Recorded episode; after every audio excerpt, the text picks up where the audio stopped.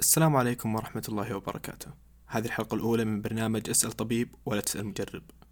بما أنها الحلقة الأولى وحلقة مميزة قلت خلنا نتكلم عن موضوع شاغل العالم.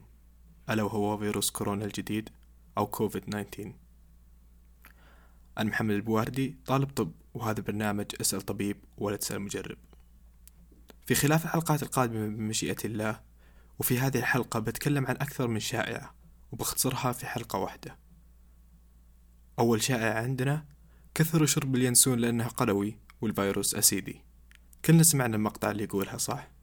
بس ما مدى صحته صحيح أن أي شيء قلوي أو أسيدي بيقتل الفيروس لكن إن كان على سطح. فمثلا الكلور يعقم على طريق قلويته لكن يعقم الأسطح مو بالجسد. لأن الله سبحانه وتعالى وضع جهاز معقد في جسم الإنسان ليثبت, ليثبت قلوية الدم.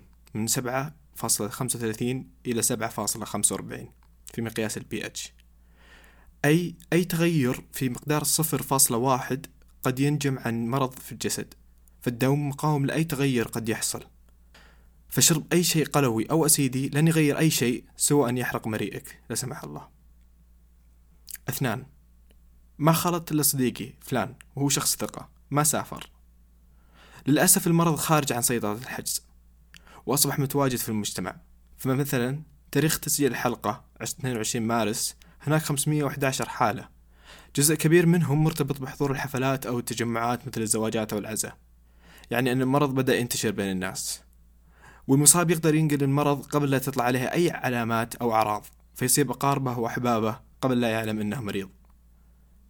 ثلاثة الكمامات أو اللطمة تكفي بأنها تحميني من الفيروس. الكمامات العادية أو السيرجيكال ماسك تحمي الطرف الآخر من كحة مرتديها ولا تحميك من نقل العدوى. طيب وال N95 ال N95 هي كمامة مصممة أنها تحميك من 95% من الأجسام الأصغر من 0.3 مايكرون. حال مخالطة مرضى الجهاز التنفسي مثل السل كفانا الله وإياكم منه. لكن ليش ما ننصح الناس يلبسونها؟